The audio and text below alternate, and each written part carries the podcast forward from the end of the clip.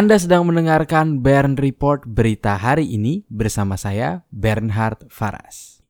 Berita teknologi. Berita pertama, Realme akan meluncurkan ponsel 5G baru. Realme dilaporkan akan meluncurkan ponsel 5G terbaru mereka dalam waktu dekat. Realme menyebut ponsel baru tersebut dengan kode RMX2071.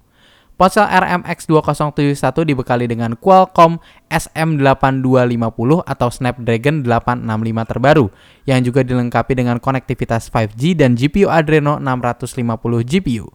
Dengan dilengkapi Snapdragon 865, RMX2071 disebut menembus skor Antutu benchmark hingga lebih dari 570.000 poin Disebutkan bahwa ponsel RMX 2071 akan diluncurkan di Mobile World Congress atau biasa disebut MWC 2020 di Barcelona, Spanyol pada 24 Februari 2020.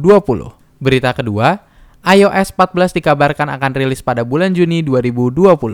Apple disebut akan meluncurkan sistem operasi terbarunya yaitu iOS 14 dan iPadOS 14 pada ajang Apple Worldwide Developer Conference yang diadakan pada bulan Juni 2020.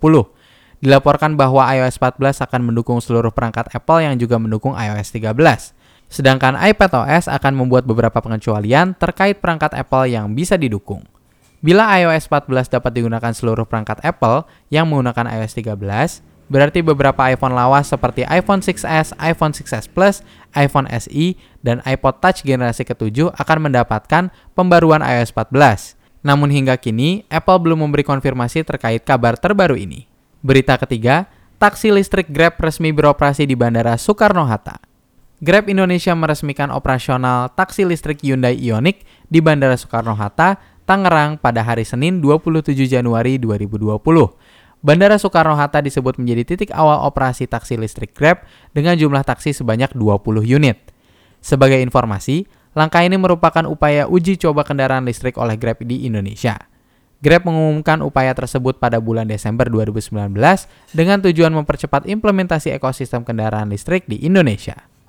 Berita keempat, Samsung pangkas harga Galaxy S10 sampai 3,5 juta rupiah. Samsung memangkas harga ponsel Galaxy S10 jelang peluncuran versi terbaru ponsel Galaxy S. Pemangkasan harga ini akan digelar sampai 31 Januari 2020. Harga Samsung Galaxy S10 Plus versi 1 TB turun sebanyak 3,5 juta rupiah menjadi 20,499 juta rupiah. Kemudian harga Galaxy S10 Plus versi 512 GB turun sebesar 2 juta rupiah menjadi 16,499 juta rupiah. Lalu harga ponsel Galaxy S10 versi 128 GB turun sebesar 1 juta rupiah menjadi 12,999 juta rupiah. Berita kelima, India menjadi negara dengan pasar ponsel terbesar kedua di dunia. Posisi Amerika Serikat sebagai pasar ponsel terbesar kedua di dunia telah digantikan oleh India. Berdasarkan laporan Counterpoint Research, ada 158 juta unit ponsel dikirim ke India pada tahun 2019. Jumlah tersebut melebihi angka persebaran ponsel di Amerika Serikat. Banyaknya jumlah ponsel yang dikirimkan ke India disebabkan oleh produsen ponsel asal Cina seperti Xiaomi, Vivo, Oppo, dan Realme. Produsen-produsen tersebut menguasai 72% pasar ponsel di India pada tahun 2019. Berita ke-6, penerus Vine meluncur siap saingan dengan TikTok. Vine merupakan salah satu pionir platform video berdurasi pendek saat diluncurkan pada tahun 2013. Sempat diakuisisi oleh Twitter, layanan ini kemudian ditutup pada tahun 2017 awal.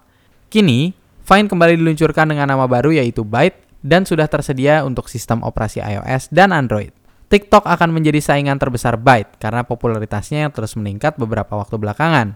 Selain itu, Byte juga tidak memiliki fitur seperti filter augmented reality, efek transisi, dan fitur lainnya yang banyak ditemukan di TikTok. Namun, Byte mengklaim berbeda dari kompetitornya karena mereka fokus untuk program monetisasi, agar bisa membantu kreator yang populer di platformnya untuk dapat menghasilkan uang. Terima kasih sudah mendengarkan Bern Report berita hari ini. Jangan lupa untuk membagikan kanal ini kepada kerabat Anda, Tekan tombol like dan subscribe untuk mendapatkan kabar terkini setiap pagi dari hari Senin hingga hari Jumat pada pukul 6.30 waktu Indonesia Barat. Saya Bernhard Faras pamit undur diri. Semangat selalu dalam menjalani hari ini.